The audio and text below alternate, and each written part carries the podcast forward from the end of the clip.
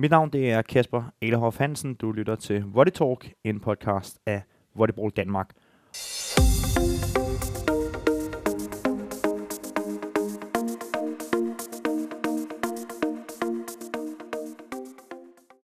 Og i dag der har jeg Michael Trolle med, sportsdirektør og herrelandsholdstræner for Danmark.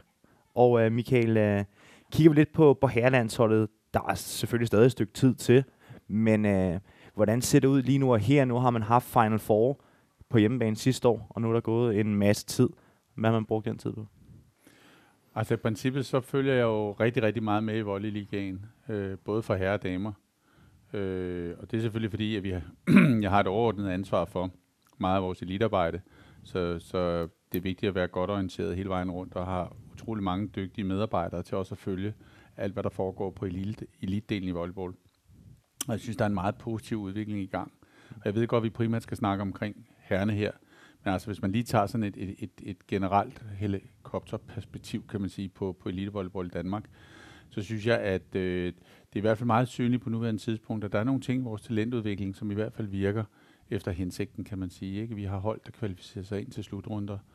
Øh, jeg synes, at alle dem, der har med vores talentudvikling at gøre, både dem, der arbejder ude på talentholdene, og dem, der arbejder i talentcentrene, vi har nogle rigtig, rigtig fine crews, der arbejder omkring alle uholdene, altså ungdomslandsholdene, øh, Svend og Henrik her på kontoret og alle andre, øh, viser, at den måde, vi gør tingene på, er i hvert fald rigtig til at kunne skabe topspillere øh, i, på ungdomslandsholdsniveau.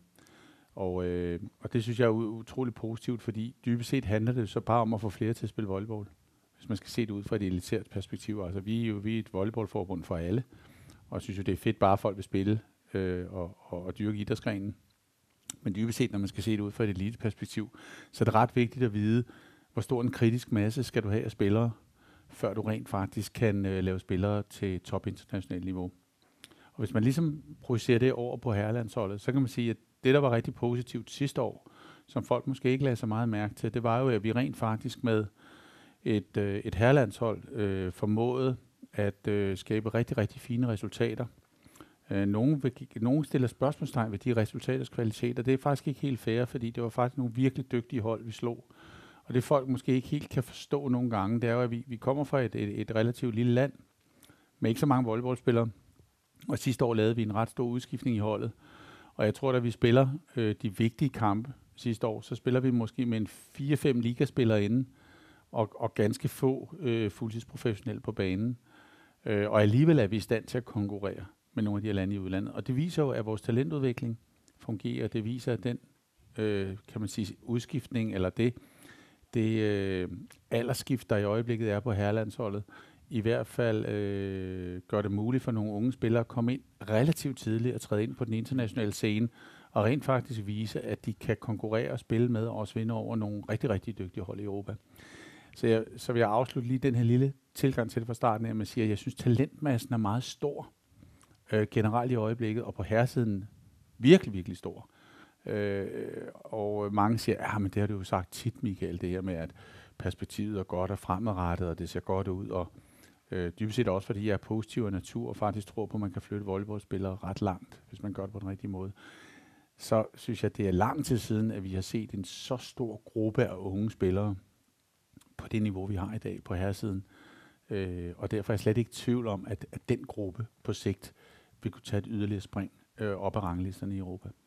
Og kigger man så på den øh, herrelandsholdssæson, der var i, i fjor, mm. European League, man kvalder ind til Final Four, man har selvfølgelig også værtskabet og sådan nogle ting. Øh, hvis vi lige den evaluerer hurtigt på det, hvor, hvor tilfreds var du? Du var lidt inde på det måske med, med ja. et par fine resultater, men hvor Jamen, tilfreds var du med, med sæsonen? Jeg var utrolig tilfreds, fordi at vi, øh, for det første er jeg meget tilfreds med, at der er så mange herrespillere, der committer sig til programmet. Øh, der har været meget diskussion omkring det der med programmet herrer og damer osv. Det, det, tager lang kultur, det er en lang sådan kulturvandring, at, at udvikle en kultur, hvor et landshold har lyst til at dedikere sig så meget til projektet. Øh, herrelandsholdsspillerne er de største sponsorer af vores landsholdsprogram. Det glemmer man lidt nogle gange, men man skal ligesom kende til regnestykket. De udsætter jo studier. Nogle gange løber de faktisk ud fra SU i nogle perioder, og, og vi kan jo ikke kompensere dem. Øh, så de er faktisk ude og, kan man sige, tilsidesætte en stor del af deres livstidsindkomst Og, og jeg har jo nogle gange været inde og kigge på, at hvis de nu havde været i lære som tømmer og var gået ud og taget en, en håndværkeruddannelse og var startet med at arbejde og begyndt at betale ind på en pensionsordning, hvordan havde det så set ud, da de blev 60, ikke? Og øh, det er ret anselige beløb, som sådan nogle lærer, herrelandsholdsspillere, der er med år efter år efter år, byder ind i, i tabt livstidsindkomst. Og også øh, store personlige, øh, øh, kan man sige, konsekvenser. Selvfølgelig også giver det dem en, en, en stor positiv øh, del på kontoen omkring oplevelsen af at spille på landsholdet. Men når du har set busser og østeuropæiske hoteller osv., så, videre, så er det jo noget andet, der skal foregå. Og der må jeg sige, at jeg er, er utrolig, øh, øh, jeg har utrolig stor respekt for alle de spillere. Det er, jo, det er jo meget, meget, meget få spillere, som ikke stiller op hver eneste sommer og bruger meget tid på det her la- øh, landsholdsprojekt øh, med de konsekvenser, jeg lige har nævnt. Og, øh, og det er selvfølgelig også lidt et klap på skulderen til, til, til forbundet og til os, der har med holdet at gøre. Altså mange spillere gerne vil spille. Så vil der altid være nogen, der er nogle helt personlige grunde, øh, Øh, ikke har mulighed for eller lyst til at spille. Og det er øh, altid vigtigt at finde ud af, hvorfor er det sådan. Fordi det kunne være, at man kunne lære noget af det og gøre noget endnu bedre, så de gerne vil være med. Og så er der også bare hen ad vejen øh, nogle meget naturlige ting, der gør, at de ikke vil være med. Men, men, men det, der skete sidste år, var jo, at, og det var fuldstændig ret, øh, første gang nogensinde, vi, kvalif- vi re- reelt kvalificerede os ind til Final Four, øh, som vi spillede i Danmark. Det har vi aldrig gjort før, og vi slog nogle nationer, som normalt er, er meget stærke. Slå Ukraine 3-0 i Ukraine, det er noget, man sjældent gør, når man er et dansk landshold. Vi, vi var også i stand til at, at vinde i Kroatien mod Kroatien. Det havde vi ikke gjort siden 2000, hvor vi vandt Springkop, netop i finalen mod Kroatien i min forrige træner, trænerperiode. Så øh, det var nogle meget, meget fine resultater. Øh, så ramte vi ikke Final Four helt optimalt. Vi spillede også mod et Makedonien, som har en af Europas bedste højrekanter. Så hvis han spiller en god dag, lidt ligesom når, når, når svenskerne har en lignende meget stærk spiller på den position, når man møder sådan nogle hold, og de virkelig brænder igennem med deres, med deres højrekant, så kan det være svært. Øh, så derfor lykkedes det jo ikke helt i fejlen for at skabe det resultat, vi gerne ville.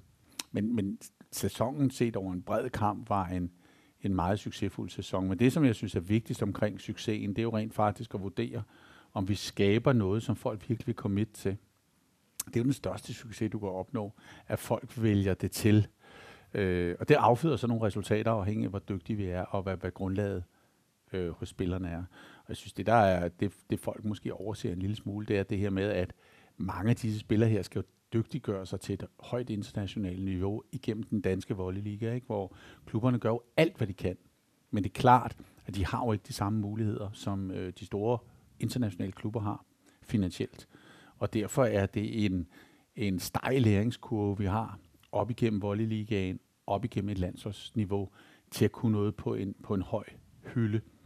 Øh, og det synes jeg virkelig, at, at de viste, og var meget, meget tilfreds med vores VM-kval, hvor vi skulle spille fem hårde kampe, fem dage i træk, og hvor jeg synes, holdet bare igennem alle de fem kampe faktisk præsterede meget, meget flot, hvor vi spillede på en relativt lille gruppe af spillere. Øh, det, var, det var meget tilfreds med. Det var virkelig godt gået af, af, af spillerne, mm. det synes jeg. Og nu er der garanteret nogen, der tænker, hvad så med European League i år, og mm. nu var man i Final Four sidste år. Men sagen er den, Michael, vi er ikke med i European League. Der er blevet lavet lidt, lidt om, og man har valgt at prioritere lidt anderledes, også rent økonomisk. Ja. Det er noget, der gør rigtig ondt, synes jeg. Og øh, noget, som jeg er utrolig ked af, at vi ikke kan. Øh, og der sidder man jo med i forskellige positioner i, i forbundet. Jeg sidder jo også med ansvaret for, at, øh, at vores økonomi hænger sammen. Øh, både vores eliteøkonomi, men også i det hele taget. Fordi det ligesom ligger i min stilling, også med det at gøre. Øh, folk ved måske ikke så meget om det, men vi er jo ligesom splittet lidt op med en udviklingsafdeling og en eliteafdeling. Men det er også mig, der har det overordnede økonomiske ansvar. Og det har altså vist sig, at vores likviditet i perioder med, med, med, med forbundet har været under meget stort pres, fordi vi ikke har nogen stor egenkapital. Så i perioder så er vi sådan meget presset på vores økonomiske flow, og det har været uheld. Det er ikke godt for os. Mm. Øh, og derfor, og samtidig mistede vi et, et stort tilskud fra Danmarks Idrætsforbund, som har lagt deres støttepolitik om. Øh, og det gjorde altså, at vi skulle ud og finde relativt store øh, øh, besparelser i 2018 Og derfor var det ikke muligt at deltage i European League. Og der er jo ingen ude i Europa, der forstår det, fordi de har jo set et Danmark, som har klaret sig godt ved EM i 13. De har set et Danmark, som konstant er gået frem efterfølgende. Ikke eks- eksplos- eksplosivt frem, men stadigvæk frem. Vi har lige hostet Final Four, og vi har klaret os rigtig godt. Og siger, hvad, hvad, hvad pokker sker der i Danmark? Hvorfor ikke med? Og det er jo tilbage til den gamle historie om, at, at, at, at Danmark jo ikke forstår øh, vigtigheden af, at vi er repræsentativt øh, deltagende i alle de store idrætsgrene i Danmark, og der skal selvfølgelig skabes en, et støttestruktur og, og et finansielt grundlag for det. Og det har øh, hverken Danmarks Idrætsforbund eller Team Danmark jo hverken forståelse for eller fantasi til at forstå. Og det er et kæmpe problem. Og dybest set vil jeg påstå det, fordi de ikke forstår vigtigheden af repræsentativ idræt internationalt. Og de forstår ikke vigtigheden af, at forbund som os er støttet, øh, således at vi kan deltage i det her. Og det, gør, det, der gør ekstra ondt på mig, det er, at jeg ser mine kollegaer i andre lande være med i European League, fordi de rent faktisk er støttet mm. gennem statsmidler. Altså for deres Team Danmark eller Dansk Danmarks Idrætsforbund. Øh, det er ikke sponsor øh, støttet. Det er øh, på andre grundlag. Og, øh, og jeg ved, hvor meget det betyder for spillernes muligheder for at komme til udlandet, øh, hvor meget det betyder for øh, øh, vores egen udvikling af landsholdet generelt set. Mm. Øh, og øh, derfor er det jo en, en rigtig skidt ting, at vi mm. ikke er med. Og lige præcis det der med, med spillerne, Michael, for øh, du er selv inde på det her med, at de har committet sig til, til det her projekt, ja. og European League har jo ligesom været en del af, af landsholdssæsonen mm. i, i nogle år efterhånden. Deres reaktion på det her med, at man ikke er med i European League, som, som på mange måder måske er et højdepunkt for dem i, mm. i deres sæson, Hvordan har, har den reaktion været? Jamen, jeg tror, spillerne vil... Øh, altså for spillerne er man jo tit ambivalent omkring det, for det er også en meget stor belastning. Så tit så, så tænker man måske, det var ærgerligt. Øh, det, var, det ville være en rigtig, rigtig god ting, men så er der nogle ting i mit liv, der bliver lidt nemmere. Og derfor er det vigtigt, at vi også har føretrøjen på, når vi ligesom trækker det her, fordi så, så skaber vi platformen for spillerne, og så siger spillerne, okay, det vil vi godt være med i, og så offrer man sig i den periode, som ikke altid ligger super godt, fordi i maj-juni måned, og det er ikke altid godt for dem, der rent faktisk er studerende i Danmark. Øh, til gengæld er det optimalt for de professionelle, der kommer hjem, fordi de kan så være med i den periode. Øh, det er faktisk en periode, hvor de ellers ikke har så mange aktiviteter, og de skal holde sig i gang, plus de skal gøre deres egen værdi større til, til den efterfølgende sæson, fordi vi gerne ud have bedre kontrakter. Så, øh, så det er meget individuelt, hvordan man ser på det, øh, og øh, øh vi prøver jo at vende det positivt til at sige, okay, så har vi en periode i år, hvor vi må se, hvad vi kan gøre i maj-juni måned. Det kunne jo være, at vi kunne lave, og det er det, jeg ved at tage temperaturen lidt på i øjeblikket, lave en lidt bredere try-out, lave nogle ting der, øh, så vi får set nogle spillere lidt bedre an, og for, måske få for nogle af de unge til at have en mulighed for at vise sig lidt bedre frem. Men det er ikke noget, vi, øh, du må tage mig på ordet omkring, for det er ikke noget, vi har planlagt endnu. Men ellers så bliver det jo sådan, at vi går all in fra midten af juli måned, op gennem EM-kvalifikationen, som så ligger i august. Øh, så der bliver jo et okay program der, og så ved vi, at vi har, kommer til at have et intensivt program omkring jul, julen øh, til næste år, hvor der ligger de afsluttende kvalkampe. Så det er jo ikke sådan, at programmet på den måde bliver dårligere. Fremadrettet bliver det jo meget sjovere at være landsholdsspiller, fordi vi kommer til at spille i tættere øh, slots, vil man kalde det på et godt dansk mm. udtryk. Ikke? Men altså, landsholdsperioderne vil være splittet op i dybest set nogle sommerperioder, og så vil der ligge nogle perioder omkring årsskiftet og, og derfor vil der være en bedre kontinuitet. Så det skal nok blive okay, men vi, men vi kommer til, det vil være forventeligt, og jeg vil være overrasket over, hvis ikke at herrelandsholdet kommer til at tage et lille bitte, bitte smule dyk på det her. Og derfor vil vores EM-kvalifikation blive vanskeligt gjort, at vi ikke spiller European League. Og kigger vi lidt, øh, undskyld ja, det er det. Jamen, det er helt okay. EM-kvalifikationen forestående, ja, forestående og forestående, der er lang tid til sommer, mm. men, men kigger vi lidt frem mod den, og, øh, og lodtrækningen, Michael, vi er kommet i en pulje med, med to andre hold, det vil sige, vi er en treholdspulje mm. med uh, Rumænien og Finland. Mm. Den lodtrækning, hvad siger du til den? Jeg siger, jeg synes snart, vi skal skifte herrelandsholdstræner, fordi vi skal have en med bedre held. uh, jeg vil have Ulrik Vildbæk heldet, som jeg plejer at sige, uh, fordi uh, jeg er simpelthen ikke, øh, hvis det er mig, der skyld i det her, så er jeg i hvert fald ikke heldig nok. Øh, det kan også godt lyde, lyde som en, en dårlig undskyldning, men altså faktum er, og jeg blev virkelig rasende, da jeg så det, det var jo, jeg har været en af dem, og det ved folk ikke så meget om, jeg har været en af dem, der har været fortaler for det EM, øh, øh, med flere antal hold i slutrunden i, øh, i mange, mange år. Og øh, øh, jeg har altid syntes, at vi skulle gå op på 24 hold til en EM-slutrunde. Og var en af forgangspersonerne for, at vi fik indskrevet det i de to øh, præsidenters valgkamp, da der var i øh, valg til CV's øh, øh, bestyrelse her altså præsidentvalg i CV her for, for et par år siden. Og det vil sige, at det kom ind på det tidspunkt. Og der var lagt op til, at der skulle være øh, seks puljer af, af fire hold. Således at, at øh, det er lidt tricky. Folk skal jo forstå, at nogle hold er faktisk forkvalificeret fra det sidste EM. Så, så det er ikke sådan, at man spiller seks, seks puljer af fire hold, så er der 24 hold, så tænker man, så skal alle jo med til EM. Det skal de ikke.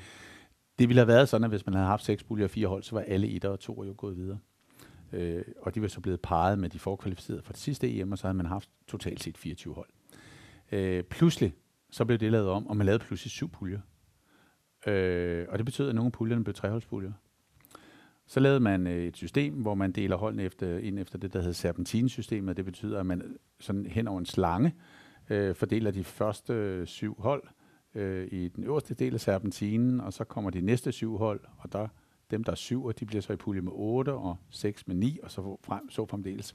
Og da man kommer hen og rammer os, så er vi lige præcis øh, røget ned omkring en ranking, hvor vi rammer seed 1 fra den øverste række, det vil sige finderne, som var røget ud af, af lige akkurat var røget uden for det der forkvalifikationsfelt. Fordi de ikke klarede sig godt her sidste gang, de spillede, men alle vil vide, at Finland jo er et normalt top 8 hold i Europa. Så, så de var lige røget med ind i kvalen, og de var ikke forkvalificeret, og så rammer vi dem. Og så den næste del af slangen, der bøjer rundt nedenunder, der får man altså det hold, der ligger lige bag os i rankingen, og det er Rumænien. Og alle vil vide, at Rumænien er jo rent faktisk en ret god volleyballnation. Og så får vi ikke noget fjerde hold ind. Og det betyder, at vi nu har tre hold, hvor der er et, der er meget, meget stærkt, og så to hold, Danmark og Rumænien, som formodentlig vil spille lige med hinanden, og det vil risikere at tage point fra hinanden. Og det vil sige, at vores chance for at blive bedste toer, sammenlignet med alle de andre toer, for det er ikke sådan, man får, det er ikke sådan, man får lov at spille playoff mod de andre toer. Man bliver bare sammenlignet med dem. Og de andre, de andre to, de vil have nogle ret svage træer og nogle vildt svage fire, og, og fireholdene i de puljer, der, der, der renser man så for deres resultater, så mm. de, de får ikke så stor indflydelse. Men bare det, at du har et svagt træerhold. Mm. Altså alle, alle de toer, der ligger helt hen i den anden ende af slangen her, de vil få nogle meget svage træer, som de vil øh, slå meget stort. Mm. Og så vil de blive bedst placerede toer. Ikke? Og vi skal være blandt de fem bedste af toerne ud af syv, mm. for at komme til EM. Ikke? Så og det, det, så, så det ser vi, svært ud. Ja, vi, skal, vi, vi, vi er nødt til at slå Rumænien meget stort. Mm. Fordi finderne kommer ikke til at smide noget. Øh, fordi de vil vide, at hvis de bliver etter, så ryger de afsted. Ikke? Mm. Og, og, og, og normalt er finderne jo stærkere end os. Øh, og de spiller også, øh, finderne spiller jo også den nye FIB-turnering. Godt nok ikke det øverste niveau, men det næste øverste niveau. Ikke? Øh, så øh, de, er, de er stærke, når vi rammer dem i, øh, i august. Og en afgørende kamp, det er faktisk allerede fra start af. Ja. Nu er der lang tid til, men den 15. Ja. august i Rumænien. Ja, ja, så starter vi ude, ikke? Ja. Det er altså også bare virkelig bad luck. Så starter vi ude i Rumænien, ikke? Og der kommer de med, med lyn og torden, ikke? Og det vil sige, altså vi kan jo altså, være meget uheldige, hvis vi tager den, og så har vi Finland på hjemmebane øh, et par dage senere, ikke? Hvis vi tager de to, så er vi jo dybest set over and out. Øh, øh, og, og sådan er det. Altså, der kommer det EM-kvæl om to år igen, og så er vi selvfølgelig klar der, men, men, men, men det er helt håbløst. Og det er håbløst, øh, og be, jeg beklager sgu på sportens vegne. Mm. Det bliver jeg simpelthen nødt til, ja. at det er et internationalt forbund tager en så håbløs beslutning, fordi når du så har spillet der, øh, så skal vi vente på nogle af fireholdspuljerne. De skal jo spille færdige og så videre, og det sker først hen i januar, over nogle forskellige datoer. Og der kan man komme i den situation, at man spiller, og måske ligger på andenpladsen i sin pulje, og så går der fire dage, før de andre puljer er spillet færdige, og der er jo ingen, der kan nå at følge med i, hvad kom Danmark med, eller ej, og ja, og måske om fire dage, hvis de der to hold gør et eller andet over i pulje C og pulje F, eller jeg ved fandme ikke, hvad det er, så, så, så, så det bliver noget gøjl, og det er simpelthen en fuldstændig håbløs politisk beslutning. Og det værste var jo, fordi jeg håber ikke, det her det bliver oversat til til serbisk. Så, så skal min, vi have min, nogle... Min, min gode ven Alexander Boricic, som jeg faktisk har det utrolig godt med, han overrulede jo faktisk helt personligt øh, indstillingen for det, der hedder Sports Organizing Commission, som havde foreslået, at man havde lavet noget playoff først, og så havde spillet de her puljer, ikke? Det, sagde han, det synes han ikke var nogen god idé. Og så bestemte han bare, at det skulle være anderledes. Så det er, det er noget gøjl, altså. Men øh, det kræver mange podcast fra nu af fremad, for at folk overhovedet kan forstå, hvad det her det handler om. Og det viser jo, at det ikke er det rigtige. Og vi håber ikke, det bliver oversat til serbisk. Vi skal vi have gang i nogle skudsikre råder, nogle mørkningsgardiner og alt muligt herinde. Ja, det er fuldstændig rigtigt. Men, men kigger vi lidt på, på de hjemmekamp, vi har. Vi har uh, Finland på hjemmebane selvfølgelig, og Rumænien. Det er så den sidste kamp, Rumænien mm. på hjemmebane. Ja. Det kan godt gå hen og blive en gyser. Ja, det kan det gøre. Og der er vi så også helt derhen, hvor vi kan begynde at regne på nogle ting. Ikke? Og det kan godt være sådan en kamp, hvor hvis man vinder den 3-0 eller 3-1, så har man en chance. Ikke? Men, men som du selv siger, det, det, det skal helst være sådan, at vi kommer lidt godt ud af det øh, i den første kamp mod Rumænien, som så ligger i august. For du kan godt forestille dig, at vi tager be- alle tager til Finland. Det tror jeg kommer til at ske, ikke? Øh, og så hvis Rumænien vinder over os i august, og vi vinder over Rumænien i januar, så har man taget point fra hinanden, og så kommer hverken Rumænien eller Danmark videre. Ikke? Så, øh, men, men, men jeg vil så sige, at, at det, at der er 24 hold med til det, er en fantastisk udvikling. Øh, vi har også nogle forhandlinger kørende i øjeblikket med Team Danmark omkring, hvor skal man rent faktisk ligge. Vi er ikke helt enige med dem i, hvor man skal ligge. De vil gerne have, at man skal være op omkring top 12 i Europa, for at kunne få Team Danmark støtte. Mm. Altså vise, at man kan nå det op. Og det synes vi er et ret hårdt cut. Fordi hvis du sammenligner med andre idrætsgrene, så er det helt urimeligt. Altså andre idrætsgrene har jo slet, slet ikke den konkurrence, vi har. Øh, så det, øh, det bliver sådan lidt frem og tilbage i forhold til øh, diskussionerne med dem om det. Samtidig har vi nogle gode forhandlinger med Danmarks Idrætsforbund om at få lavet et program, således at vi kan kvæle ind fremadrettet. Og derfor snakker jeg jo også, når jeg snakker med nogle af drengene om det her, så siger jeg, okay, vi har måske lige den der i år, hvor vi, hvor vi lige neddrosler lidt, men, men drømmen er jo fremadrettet, at vi skal op og være med de her steder. Så er der mange, der politisk siger, jamen det er rigtigt at satse så vildt, og øh, altså, skal vi ikke gøre noget andet, så videre, hvor jeg prøver ligesom at få folk til at forstå, at vi satser jo ikke. Altså det her, det er verdens, en af verdens aller, aller største idrætsgren. Vi befinder os i Europa, som er en af de stærkeste kontinenter i verden. Vi har nogle landshold, og specielt drengene lige i øjeblikket, som rent faktisk kan være med på et af de meget, meget, meget fine niveauer i europæisk volleyball. Det må vi da være fantastisk stolte af med det udgangspunkt, vi har.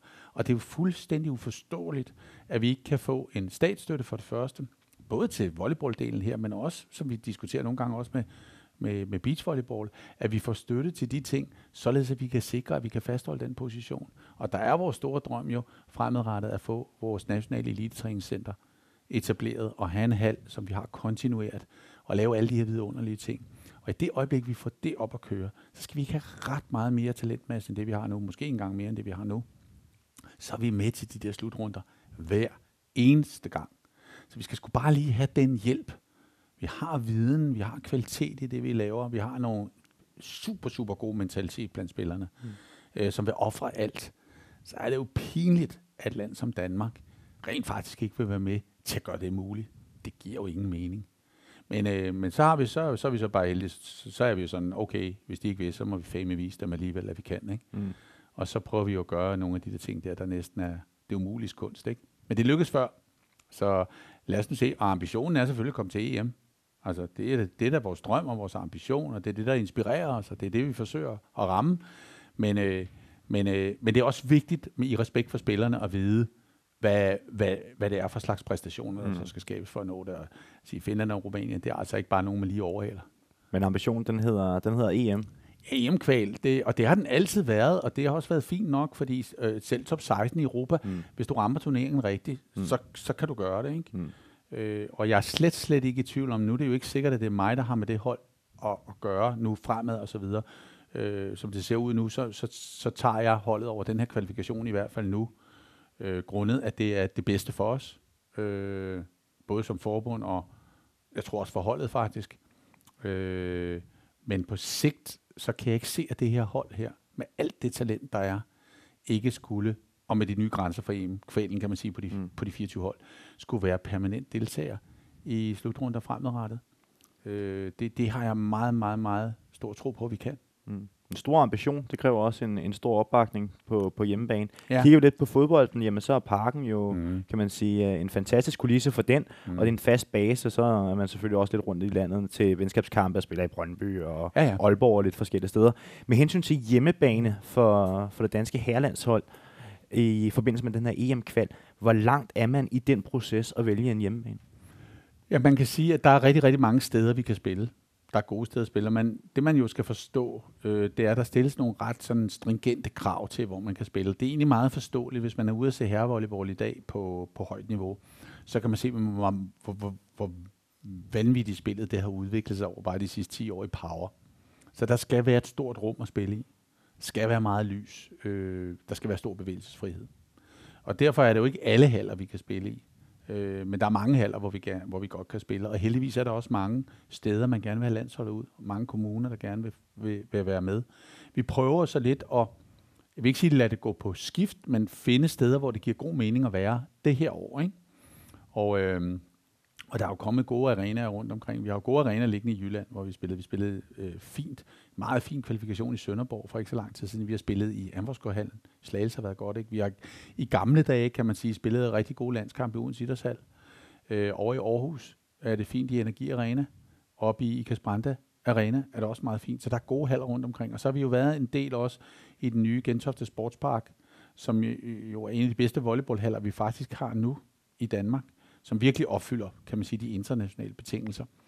Øh, så der er mange steder at vælge, og det vi selvfølgelig forsøger, det er et at, at, at vælge steder, hvor vi dels kan have en god national opbakning, hvor der kommer folk og, og holder med landsholdet, og, fordi det betyder meget på hjemmebane. Og vi synes, vi har haft rigtig god opbakning de sidste par år. Også i forbindelse med EM var det jo helt fantastisk i 13. Øh, og, øh, og derfor kigger vi dels på det, men vi er også nødt til at kigge på det økonomiske aspekt. Altså kan vi få nogle kommuner til at gå ind og hjælpe os øh, finansielt, hvis vi kommer og spiller der. Ikke? Og det, vi, der er vi i gang med at undersøge forskellige steder nu. Og øh, ah, må ikke, at det kommer til at ende på, at vi, at vi i august øh, spiller i en del af landet, og i januar en anden del af landet. Øh, det, det tror jeg. Øh, og det, kunne være, det, det er også godt for volley, at vi gør, hvis, vi, hvis vi kan ende med at gøre det. Men altså, det hele skal jo hænge sammen, kan man sige. Og det handler desværre oftest om økonomiske ressourcer i den sidste ende. Men der bliver arbejdet benhårdt på at finde øh, ja, ja, gode det bliver, ja, ja, ja, det bliver øh, super fedt. Mm. Altså, det skal, det skal nok blive godt. Mm. Det, det er jo sådan noget, vi kan efter EM. Altså, der har vi nogle folk, som er fremragende. Mm. Så det er ikke du er selv en del af det med Volley TV, Kasper, og Altså, øh, der findes ikke nogen bedre kortmanager end Henrik Petersen i hele verden, tror jeg. Mm. Altså, han er fantastisk til det. Det skulle lige være P. der, er lige, der, er, der er tæt på at være på samme niveau som lavede EM, ikke? Og, og Svend Brix. Og, altså, de der folk, som jeg har til at hjælpe mig, de, de laver arrangementer, hvor, øh, hvor vi altid får fuldstændig top rankings. Mm. Øh, så, så arrangementer skal nok blive gode. Det, der er vigtigt, det er at få lavet det sted, hvor folk kommer ud. Og at vi også får flyttet en lille smule på vores volleyballkultur. Mm. Altså, vi er jo sådan meget volley-nørdet-agtige, ikke? når vi ser volleyball og sidder derude og knipser lidt, ligesom i billiard nærmest, hvis der sker noget fantastisk. Vi skal jo lave en, vi skal jo lave en, en, en, en, en bedre og en bredere volleyballkultur. Og det skal landsholdet også være med til at løse. Ikke? Blive mere, øh, mere Danmarks volley-landshold. Mm øh, eller mere volleyball, sportens volleyball-landshold, end at man ser det som noget lukket, elitært. Ikke? Og det er drengene sgu helt med på, og jeg også.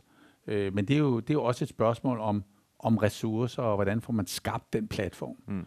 Det tror jeg er ret vigtigt fremadrettet, at vi får lagt endnu mere fokus på det. Det er noget, vi ikke har været så gode til måske. Check. Vi snakker lidt omkring, øh, du fortsætter som, som herrelandsholdstræner. Mm. Hvordan ser det ud med, med, med staben? Du havde Christian Knudsen med mm. for første gang sidste år. Øh, fortsætter han, og, og hvordan ser det ellers ud med, med staben? Øh, det håber jeg jo, at vi... altså, der er, der er, det har været ret vigtigt med kontinuiteten øh, i det her projekt. Øh, hvis man rejser med landsholdet, vil man vide, at det betyder alt, at en stab fungerer godt. Men det er jo det samme som med, med holdet som sådan. Øh, og, og, og jeg vil sige, vi har været, jeg har været utrolig heldig, da jeg da jeg kom tilbage og havde med holdet at gøre efter EM, for Fred havde jo bygget en, en gruppe af fantastiske mennesker, og nogle af dem blev der, og nogle blev skiftet ud.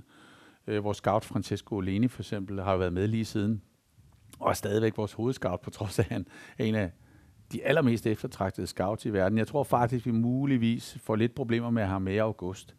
Fordi efter at vi havde haft ham ind over European League sidste år, så blev han faktisk headhunted til at være scout øh, sammen med en polsk træner, han har arbejdet sammen med tidligere for det kinesiske landshold, og lige efter det kvalificerede de sig til VM. Og VM ligger lige i det i den periode også. Og det vil vi aldrig drømme om at tage fra Francesco og komme til det EM med Kina. Øh, VM. Så lige, eller et VM, ja, øh, med Kina. Øh, så lige præcis der kan der blive noget med kontinuiteten, men vi har mange andre dygtige scouts i ligaen også, der kan hjælpe. Så det, bliver ikke, det, det skal vi nok klare, men Francesco er, er second to none på den plads. Øh, og så håber jeg, at de øvrige, vi har haft med inden, har lyst til at, at være med stadigvæk. Og du spørger ind til Christian, og, og øh, Christian var en kæmpe hjælp at få ind sidste år. Dels fordi, at han kender mig, og har været med på hele rejsen, siden, at vi tog ham, siden han var 18 år og startede på, på det landshold, jeg trænede dengang. Så Christian og jeg er meget tætte, og, øh, men han er også utrolig god til at konfrontere og at tage kampene med mig også. Og det har jeg virkelig brug for. Altså jeg har virkelig brug for nogen, som ikke bare siger, øh, øh, klapper hælene sammen og siger, det er også rigtigt, Michael. Og han har haft så mange utrolig dygtige trænere, og, og, og jeg kan rigtig, rigtig, rigtig mange ting, men jeg har også behov for hele tiden at blive udfordret og stimuleret og, og, og, og, og ændre syn på nogle ting. Og, og, og der skal laves nye sæsoner hele tiden, hvis vi skal, hvis vi skal følge med de andre. Og der var Christian, der kom Christian ind med utrolig mange gode ting fra hans meget, meget lange øh, og sådan gloværdige professionelle karriere. Og jeg var i tvivl, hvordan ville, hvordan ville den transition blive med Christian fra spiller til, til, til coach? Fordi Christian kunne godt som spiller nogle gange blive lidt indebrændt, og, Ah, og jeg synes, var ikke tilfreds med sig selv og de andre, og det blev sådan, livet blev meget kompliceret på banen nogle gange, det har vi grint meget af. Og der kom man ind med en fuldstændig anden energi. Og Christian er typen, der været direkte ind på banen og tager fat i folk og hiver i dem og retter på dem og sætter deres arme rigtigt og, og går til dem. Ikke? Så han fik jo en, en autoritet i truppen meget, meget, meget hurtigt. Han har et stort, stort talent øh, for at arbejde med spillere i hallen. Han er en, en, en, en, en teknisk vidunder at præsentere for en spiller, fordi han gør så mange ting teknisk rigtigt. Og fordi vi lærer så meget ved at se ting. Så er han fantastisk. Og jeg er 58. Der er jo grænser for, hvad jeg kan løbe rundt og vise folk efterhånden. Øh, jeg vil gerne, men jeg tror ikke, det ser sådan helt optimalt ud. Det gik sgu bedre, da jeg var 27 og startede i Holte, ikke? Øh, direkte for at have været landsholdsanfører. Det, det har nok set bedre ud på det tidspunkt.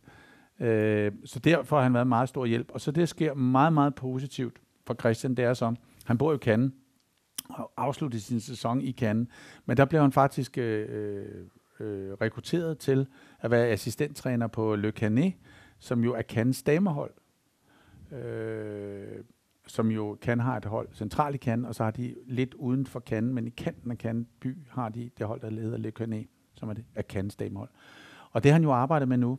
Og for at kunne det, og jeg har faktisk lige snakket med ham her, for ikke så længe siden har jeg skrevet med ham, fordi han er, han er på uddannelse nu her, fordi for at kunne arbejde i Frankrig som coach og head coach, hvis han skal det senere, så skal han igennem den franske træneruddannelse. Så den har han ved at tage nu. Og så kan han få licens i Frankrig. Så kan han faktisk leve ret godt af at være coach i Frankrig, fordi han er så dygtig. Og så er mit håb jo, at han kan blive videre at arbejde med os. Og så må vi se, på sigt kan det være, at Christian kan blive dygtig nok til at, øh, at tage A-holdet. Det har vi snakket lidt med ham om. Det, det betyder ikke, at der ikke var andre, der kunne det, og så kan han fortsætte som assistenttræner. Det, det er ikke sådan, at det har man besluttet sig for. Men, men, men, men han har virkelig et, et meget, meget stort talent, øh, som hvis du har spurgt mig, mens han var spiller, mm. jeg sagde, det er jeg mere usikker på. Øh, han har været i alle kroge international volleyball, og det er, det er, det er hans hud. Og øh, det er en kæmpe fordel for ham. Og utrolig vældigt, øh, kan jeg mærke øh, blandt spillerne. Øh, men, men ikke på en måde, så det bliver kammerateri på nogen måde. Mm. Så det er jo altid det, der er svært, kan man sige. En ja, balancegang, ikke? Og, og lige præcis det, at vi ikke spiller European League, det er faktisk en fordel for Christian. Mm. Fordi øh, den franske liga, tror jeg ikke er færdig på det tidspunkt sådan helt. Så, øh, og han har måske også lidt behov for, fordi sådan en sæson er benhård at være klubcoach. Ikke? Det er to gange om dagen i rigtig, rigtig mange måneder, og mm. ude og sted hver weekend, og nogle gange hver onsdag også. De har spillet Champions League også. Øh, så han har nok behov for lidt luft til sin familie lige der. Så jeg tror, at vi, hvis Christian er med, så får vi en, en, øh, en knusen øh, i midten af juli ind omkring landsholdet, som, er, som, er, som er fuldstændig klar. Ja. Øh, og det håber jeg meget på. Så øh, han, han var rigtig vigtig sidste år. Og det var Peter Borglund og Svend og alle de andre også, men de var sådan primært med på turene. Det var, det var Christian og mig, der stod i maskinrummet hver dag øh, ude her i Brøndby nede i hallen. Ikke? Øh, og så de andre, der jo støttede op omkring det, og, og for hvem, øh, altså hvis vi ikke havde haft det team, så, så kan man slet ikke det her. Det er jo, altså, det er 24-7, virkelig 24-7, når man er afsted, og man er fuldstændig mørbanket, når man kommer tilbage. Det er 16 timer i døgnet, hvor du bruger hele tiden. For der kører hele tiden sådan et kæmpe alert-niveau ind i hovedet på, hvad fanden kan vi ikke lige? Altså, hvis vi spiller 300 bolde i en kamp, ikke? så er det jo nogle gange 7-8 bolde, der skiller og jagten på de der 7-8 bolde, altså hvor fanden hænger de der lavt hængende frugter, kan vi lige finde dem? Og hvordan finder man dem? Det er jo det, der er magien mm. i at coache de der hold der. Det er der, og mulighederne er der jo. Mm.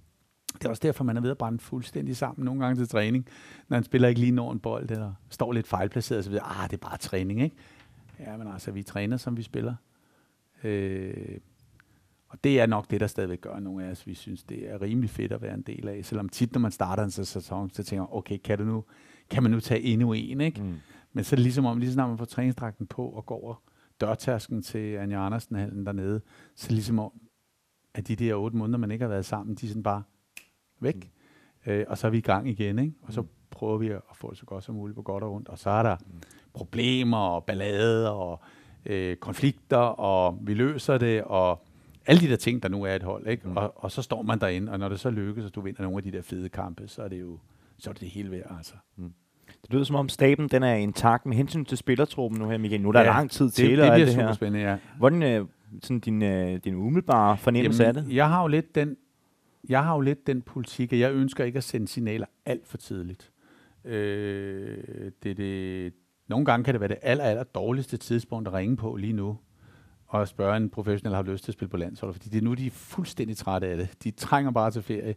Øh, så kommer de hen i slutspillet nu, og, og så bliver det lidt mere spændende for dem. Og, og, og det hjælper dem igennem den der lange sæson. Så i virkeligheden skal man mere give nogle rammer på nuværende tidspunkt. Nogle få e-mails, der fortæller, sådan her er det. Det er mere noget med sådan noget med, at de ved, at okay, skal de overhovedet holde sommerferie, og hvis de kommer på landsholdet, mm. hvornår skal den sommerferie så ligge? Så kan alle ligesom lægge det der. Og så senere hen, så udtager vi jo så. Og, og, og det man egentlig gør, det er, at man, at man kontakter spillerne for at høre, om de kan spille på landsholdet. Og der plejer vi ligesom at dele det op imellem dem, der kan commit sig, og så dem, der siger, jeg vil gerne gå til landshold. Plejer vi sådan lidt sjovt at sige, man kan ikke gå til landshold. Det er ikke sådan noget med, jamen jeg kommer to-tre gange om ugen, og jeg kan spille nogle kampe, og jeg kan et eller andet. Man skal commit sig øh, relativt meget. Øh, vi har haft nogle enkelte situationer med nogle spillere, som i perioder er kommet ind sent. Mads Dittlevsen for eksempel havde nogle meget favorable ordninger, da han spillede, hvor han, hvor han kom ind sent i nogle perioder, så spillede han nogle kampe, så var han ude igen. Øh, øh, men det, der skal du have været der skal du have været med meget længe, ikke? Øh, og du skal have lagt alle dine træningstimer for at kunne få sådanne ordninger. Ellers så er du med, og så skal der være noget meget, meget afgørende, der gør, at du ikke kan spille en kamp. Altså, det kan være noget med en meget afgørende eksamen, så ekskluderer vi jo ikke en landsholdsspiller på grund af det. Så sørger vi for, at de får taget den eksamen, og så spiller vi igennem det program alligevel. Det bliver vi nødt til. Øh, og så får man lavet en, en sortering af spillerne imellem dem, der virkelig vil commit sig, og så dem, der ikke rigtig kan. Og der foregår også meget en sondering hos spillerne af cost-benefit i det her. Altså, øh, hvad bliver min rolle? Så, så, så det er rigtig vigtigt for mig, at jeg får en snak eller en indikation om, at din rolle bliver cirka sådan her. Fordi ellers så kan man ikke se mening med at deltage. Og det har ikke noget at gøre med, at man skal garantere spilletid og sådan nogle ting, men det er jo selvfølgelig, en hver spiller, der skal være meget motiveret, skal kunne se en mening i, hvorfor jeg er med i det her projekt. Mm. Og det vil de som regel rigtig, rigtig gerne, mange af dem. Grunden til, at jeg ikke melder så meget ud på nuværende tidspunkt, det er, at vi er i den der meget interessante situation, at der sker mange ret store forflytninger i øjeblikket. Der er nogle spillere, som, som vi godt kunne kalde landsholdsspillere, øh, fordi at, at, at de har været på landsholdet, og de, og de har været toneangivende og så videre. Men der kommer et, et, et kæmpe spændende felt nu af nogle af de her spillere, som er øh, born kids volley players, vil vi kalde dem. De er ikke born digital, men, men de er født med volleyballbolde i hænderne stort set, siden de var meget, meget, meget unge. Og de er vanvittigt dygtige. Øh, de første af de kategorier ligger omkring 3-24 år nu. Men dem, der kommer ned af 17, 18, 19 år, 20 år nu, øh, er jo virkelig, virkelig været en del af vores det der meget, meget succesfulde talentudviklingsprojekt. Kommer op på A-landsholdet og har spillet mellem 50 og 60 ungdomslandsholdskampe. De ved fuldstændig, hvad det handler om. Øh, de spillere er meget spændende. Og der ønsker jeg jo ikke på nuværende tidspunkt ligesom at eliminere nogen. Jeg vil meget, meget gerne have en relativt stor, bred trakt. Det synes jeg, de fortjener. Øh, det har de også niveau til. Mm.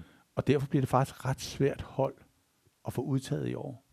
Øh, fordi at der er mange spillere, der byder sig til. Øh, og, øh, og der er mange af de spillere, der har været med, som stadigvæk er rigtig dygtige. Nogle af dem er, har været langtidsskadet, kommer måske tilbage. Øh, så det bliver, jeg synes, det bliver et meget spændende felt. Øh, meget svært øh, at, at, at få udtaget. Og derfor skal vi finde en eller anden mulighed for, at, at gøre det muligt for folk stadigvæk at være med og arbejde sådan på den langsigtede udvikling, og så sige, at vi skal altså også bare være ham gode i midten af august.